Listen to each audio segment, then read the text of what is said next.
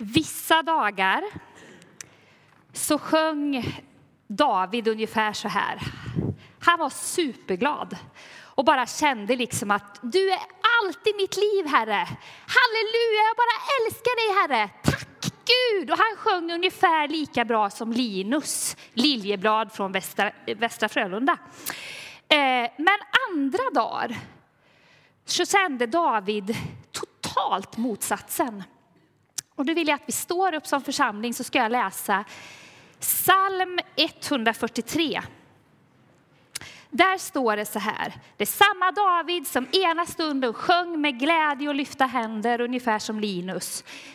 Men den här stunden så bad han så här. Herre, hör min bön. Lyssna till mitt rop, du som håller ord. Svara mig, du som är rättfärdig. Ställ inte din tjänare inför din domstol. Ingen människa kan få rätt mot dig. Fienden förföljer mig. Han har krossat mig. Han låter mig bo i mörker som de som sedan länge döda. Modet sviker mig, hjärtat förlamas i bröstet. Jag minns förgångna tider, tänker på allt som du har gjort. Jag begrundar vad din hand förmått. Jag sträcker mina händer mot dig. Jag öppnar mig som törstig jord. Herre, skynda och svara mig. Jag orkar inte mer. Dölj inte ditt ansikte för mig. Då blir jag lik dem som lagts i graven. Låt mig var morgon möta din trofasthet, ty jag förtröstar på dig. Visa mig den väg jag ska gå. Jag sätter mitt hopp till dig. Herre, rädda mig från mina fiender. Jag flyr till dig. Lär mig att göra din vilja, ty du är min Gud. Må din goda ande leda mig på jämn mark. Herre, tack för ditt ord som vi ska få dela. Och jag ber att din heliga Ande ska få tala. Jag ber att det här ordet ska få bli till uppmuntran, till tröst, till vägledning, till utmaning för oss som är här idag inför ditt ansikte. Du ser om det är någon här som inte känner dig, Jesus Kristus, du Guds son. Herre, tack att du kan komma och visa din kraft idag, att du finns. Och du ser den som har gått med dig i alla år. Tack att du kan blåsa liv idag i vår tro och i vårt böneliv. Amen. Varsågod och sitt.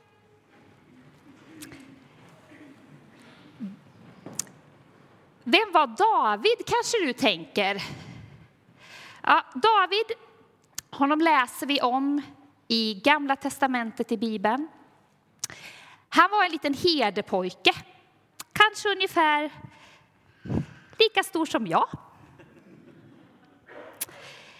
Han eh, hade blivit utvald av Gud, står det i Bibeln. Det kom en profet. Och bland alla hans bröder, ganska stora, snygga, tuffa bröder muskulösa, lite så här lockigt hår, så fanns den här lille parven. Och Gud utvalde honom, för det står att Gud såg till Davids hjärta att han hade ett rent hjärta, han var ödmjuk och han älskade Gud, står det. Men långt innan det gick i uppfyllelse att han skulle bli kung så var det så att Israels folk var i strid med ett folk som hette filisteerna. Och David Eh, han hade blivit sänd bara för att kolla till sina bröder som var med, de här muskulösa, de var med i striden och han skulle bara gå dit. Och så står det om hur på märkliga vägar det blev så att David fick vara den som krossade filisterna genom att döda deras stora trumfkort, en jätte som hette Goliat. Och det här var helt ett under, en sensation. Och folket var bara wow, David, han är ju vår hero, vår hjälte. Det står hur alla flickor, han, de bara gick ut på gatorna. Woho! David, han är vår hjälte! Och kolla, han är rätt snygg ändå! Oh, de var liksom helt... Och Saul, som var kung, han gillade inte det där alls. Han blev så otroligt svartsjuk på David, står det. Och på något vis börjar han förstå David kommer att bli kung om inte jag gör något. Och det gjorde att från att David, den här godhjärtade herdepojken som valde att följa Guds väg, han hade också med hjälp av Guds ledning fått krossa filisterna och den här jätten Goliat. Helt plötsligt, från att vara alla tjejers liksom wow, David, så fick han ge sig ut på flykt. Och när vi läser det här bibelstället så sitter han i en mörk håla någonstans och eh, verkligen gömmer sig därför att Saul hade bestämt sig för att jag ska döda den där David. Han ska dö, för han är ett hot för mig och min makt. Det är sammanhanget.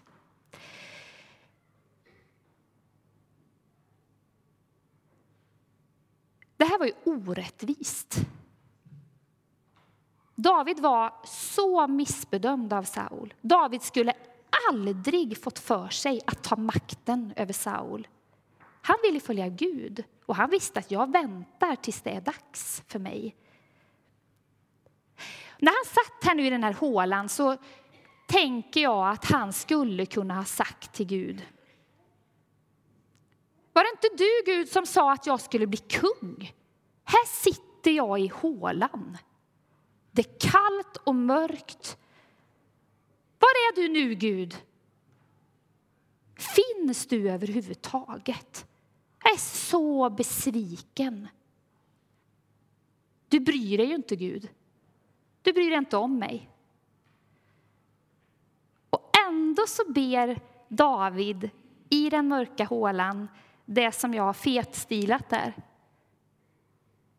Gud, låt mig var morgon möta din trofasthet. Trofasthet, alltså att Gud verkligen står där och finns kvar. För jag förtröstar på, jag litar på dig Gud. Jag litar på dig. Visa mig den väg jag ska gå. Här sitter jag i hålan. Vad ska jag göra nu då? För jag, jag sätter mitt hopp till dig. Jag hoppas på dig, Gud. Jag litar på dig. Jag fattar ingenting varför jag sitter här. Jag har inte gjort något dumt.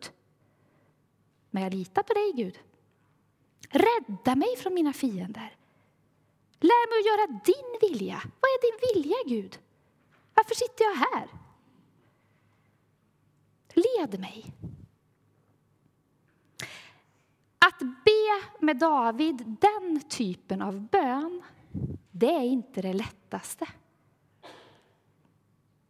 Men jag tänker att det är det som ger en fast grund i livet.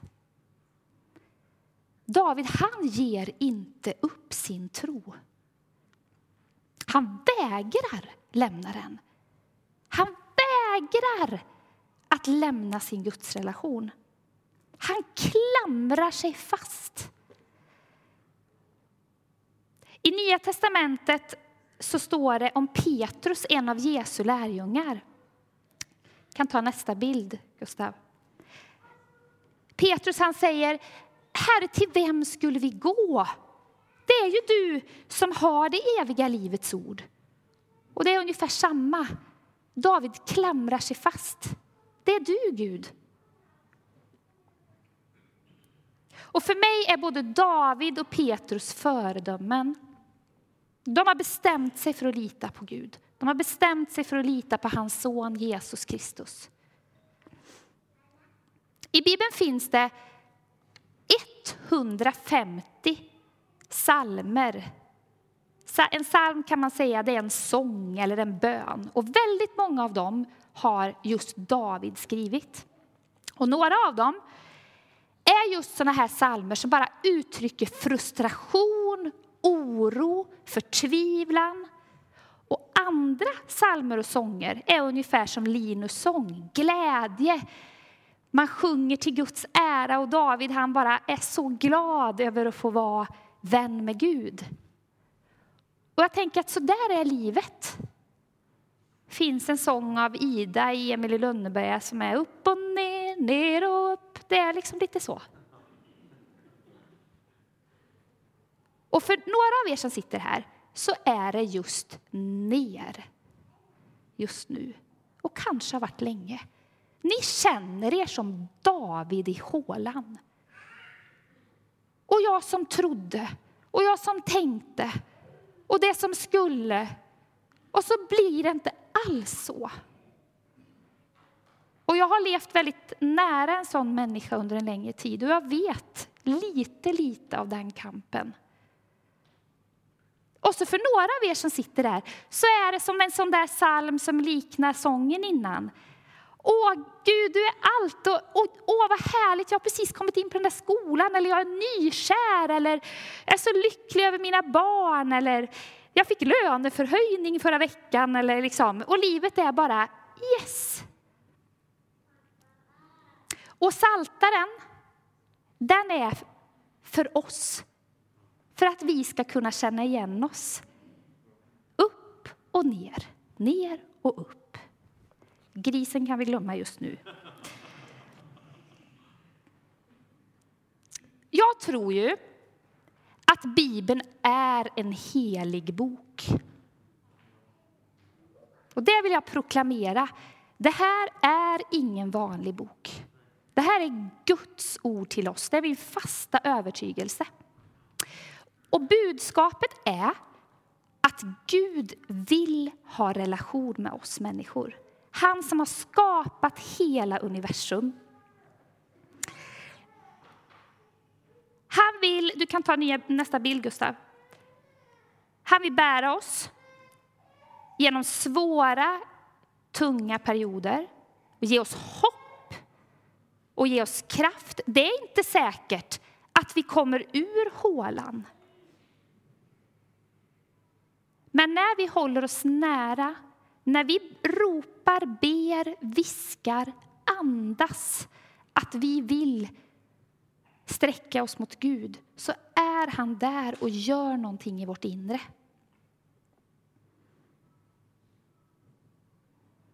Och sen är det också så att han vill att vi ska dela glädjen med honom. Att vi ska gå med honom i upp och nedgång. Han vill vara med i allt. Och nu kommer mitt stora livstips. Och det är gratis.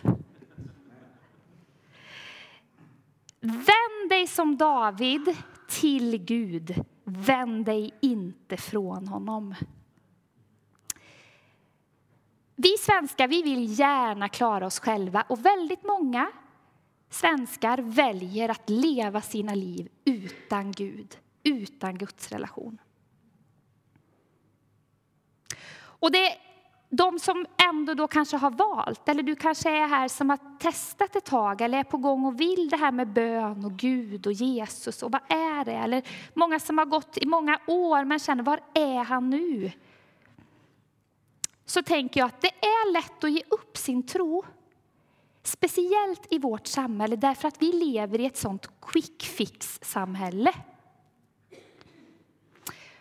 Och det kan vara så att om ni skulle fråga min man så skulle han möjligtvis kunna säga att om vi kommer till sådär tredje banan på en minigolfrunda, om det inte har gått bra de tre första gångerna så kan han möjligtvis säga att hans fru ger upp och blir rätt tråkig att spela med. Eh, så kan det vara. Det kan också vara så att ni med mig när ni ska googla på någonting och så går det inte så där blixtsnabbt utan det, det laggar lite så kan det vara så att ni blir smått irriterade. Är ni med? Vi vill ha quick fix, det ska gå snabbt, det ska gå lätt, det ska gå bra på en gång. Men Gud har ett annat perspektiv. Vi kan liksom inte förvänta oss snabba resultat alltid. Därför att Gud har ett evighetsperspektiv och han har en paraplyblick som inte bara handlar om mig utan det handlar om någonting större.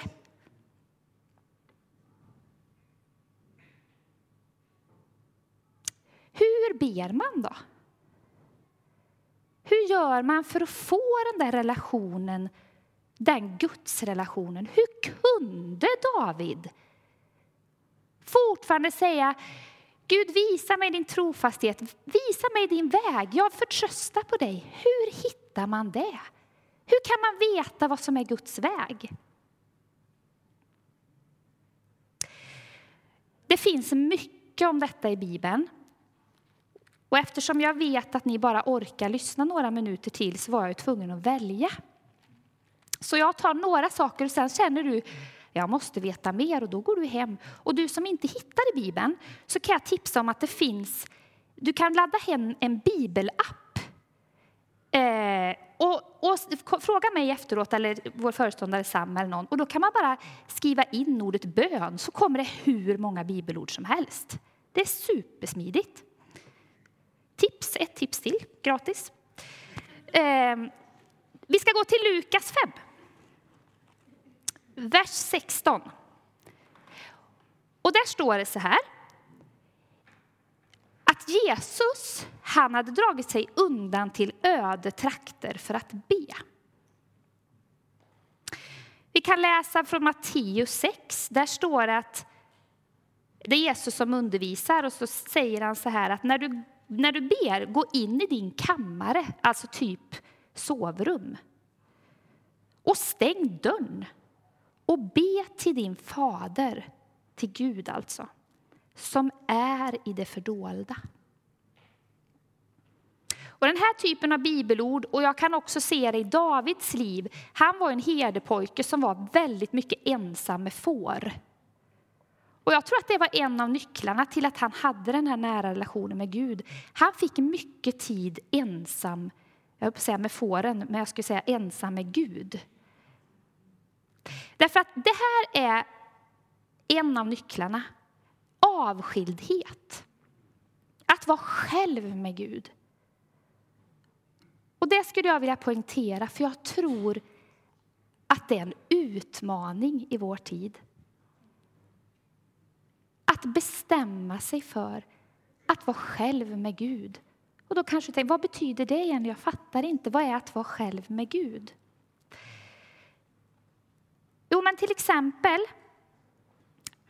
att om jag sitter och så tänker jag så här, ja, men nu ska jag be lite, och så har jag mobilen precis intill och så plingar det till såna här grejer som flera av er, att nu var det någon som sa något på Facebook eller nu, eh, oj, nu smsar någon här. Då är jag inte själv med Gud, därför att hela tiden störs min tanke. Eller att jag sitter vid köksbordet och tänker nu ska jag ta min bönstund, men så ligger tidningen där. Och så, vänta vad står det där? Ja? Liksom, då, då är man borta direkt. Sen är vi olika. Någon kan känna att vara själv med Gud det är om jag tar en promenad. Det kan vara på promenaden till bussen på morgonen. kan till och med vara på bussen. För att du har en förmåga att stänga av. Då är det din självstund med Gud. För mig behöver jag vara ensam i ett rum för den självstund. Och självstunden är just för att jag ska kunna höra om det är så att Gud ger mig någon tanke, visar just min väg. Jag, du kan ta nästa bild, Gustav. Jag brukar böja knä hemma, göra någonting med kroppen för att kunna fokusera. Och jag tror på det. Nu kanske du tänker, nu blev det väldigt här. Det här är bara tips. Du gör vad du vill med det, men det här funkar för mig. Och när jag har läst en hel del om bön på sista tiden så ser jag att det här funkar för ganska många. Att fysiskt göra någonting. Ibland behöver jag, jag har en fåtölj i mitt kök, så när jag är ensam hemma ibland, inför en sån här sak till exempel, då böjer jag mina knän där. Det spelar egentligen ingen roll, Gud hör lika bra ändå. Men det är för att jag ska kunna fokusera mina tankar. Ibland så sitter jag ner, till exempel om jag är här i kyrkan och någon ber för mig, jag kommer till det snart, så brukar jag göra så här med mina händer. Spelar heller ingen roll, finns inget magiskt i det. Men det hjälper mig att fantisera kan man säga. Att liksom tänka att nu är det som att de här händerna, Gud, nu tar jag emot av det du vill ge mig. Det här är ett tips till er. Och det gör jag också ibland när jag är ensam. När jag sitter och så sätter jag mina händer så här när jag ber. Så känner jag, Gud, jag behöver din kraft. Det är inget magiskt, men det hjälper mig att fokusera därför att vi är så fladdriga, vi människor. Det går tankar hit och dit hela tiden. Och så var det tvätten och vad, vad, vad skulle jag köpa nu när jag handlar? Och det är helt okej. Låt det fladdra. Det är ingen fara. Gud känner dig. Han känner dina tankar. Men som hjälp kan man behöva liksom avskildhet, kupa sina knä. Det är, därför, det är därför vi säger till barn att de ska knäppa händerna. Det finns ju inget så här att det här är bön. Man kan ju köra bil och be eller diska och be. Det är just det här för att fokusera. Och i det fallet när man ber tillsammans med andra, att inte störa varandra genom... Mm. Men jag tror på det, att kroppen kan vara viktigt. Jag kan ta nästa bild, Gustav. Sen finns ju bönen som Jesus lärde oss att be. Vår Fader börjar den bönen. Du som är i himmelen, låt ditt namn bli helgat. Låt ditt rike komma, låt din vilja ske på jorden så som i himmelen. Så börjar Fader vår, bönen som Jesus lärde sina lärjungar. Och det är ju för att lära oss människor att inte först lägga fokus på mig och mitt. Det finns många idag som ber någon gång, men då är det ge mig det där jobbet eller nu ligger, liksom, nu ligger jag risigt till. Då ber vi om det som gäller mig och mitt och det egoistiska. Men att det finns en nyckel i att börja i ske din vilja, Gud. Därför att det är ju du som har det stora perspektivet. Det är ju du som har skapat mig. Och när jag, när jag klarar det så blir omständigheterna inte lika skrämmande. Omständigheterna blir inte riktigt så svåra. Jag lämnar över Gud, du vet ju bäst. Nu har det här hänt, nu är det så här. Ske din vilja. Jag tror att det är en nyckel. Och det, det hade ju David fattat långt innan Jesus lärde oss den där bönen. David han hade ju kunnat be just så. Han kunde ju börjat med ge mig en filt, jag fryser. Se till att den där Saul blir dödad så jag kan bli kung någon gång. Men det bad han inte. Ske din vilja. Lär mig att göra den.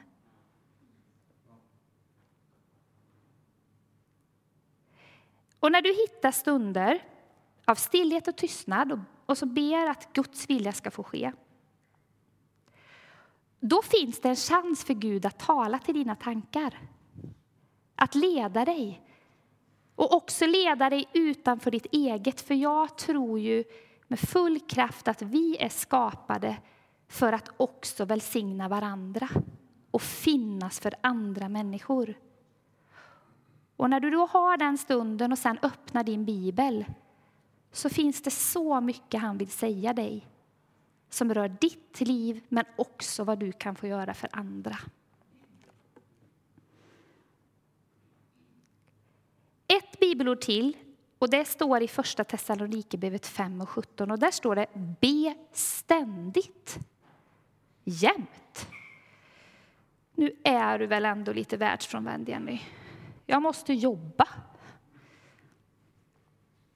Ja, men jag tänker att det här betyder be ständigt, be jämt.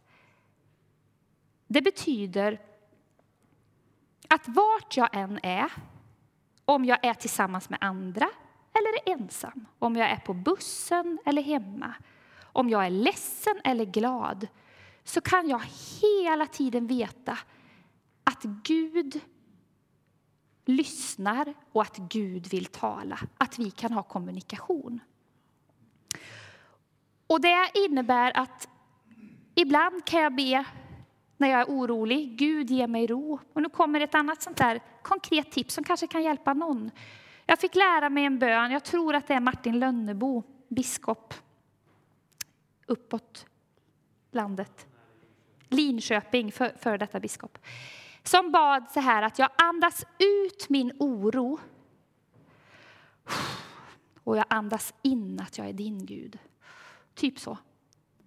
Och den har jag börjat använda ganska ofta när jag ligger i sängen på kvällen. Det är saker som går runt, runt mina barn och eh, ja, alla möjliga saker. Och rent fysiskt, jag andas ut min oro, min brist, mina, det jag inte kan påverka. Och så andas jag in, Gud, att jag får vara din. För någon kan det hjälpa, men att be den bönen. Och sen att man får be för sina barn. När jag är tillsammans med en väninna som kanske öppnar sitt hjärta så ber jag inom mig, Gud, led mina tankar. Låt mig få vara till välsignelse. Och sen också såna här tackböner för saker som går bra. Låt Gud få vara med i välsignelsen och det glada också.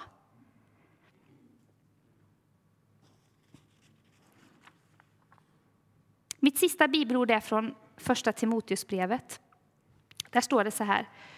Först och främst uppmanar jag er till bön och åkallan, till förbön och tacksägelse för alla människor. Och då vill jag säga någonting på slutet här om förbön också. Förbön betyder att en person ber för en annan. Vi har en, en bönehörna här. Man har möjlighet att tända ljus och tänka kanske på någon eller något. Det kan, kan vara något, att man gör någonting. Det är flera vana från Svenska kyrkan till exempel. Och det gör vi här också. Man kan tända ljus och be en tyst bön.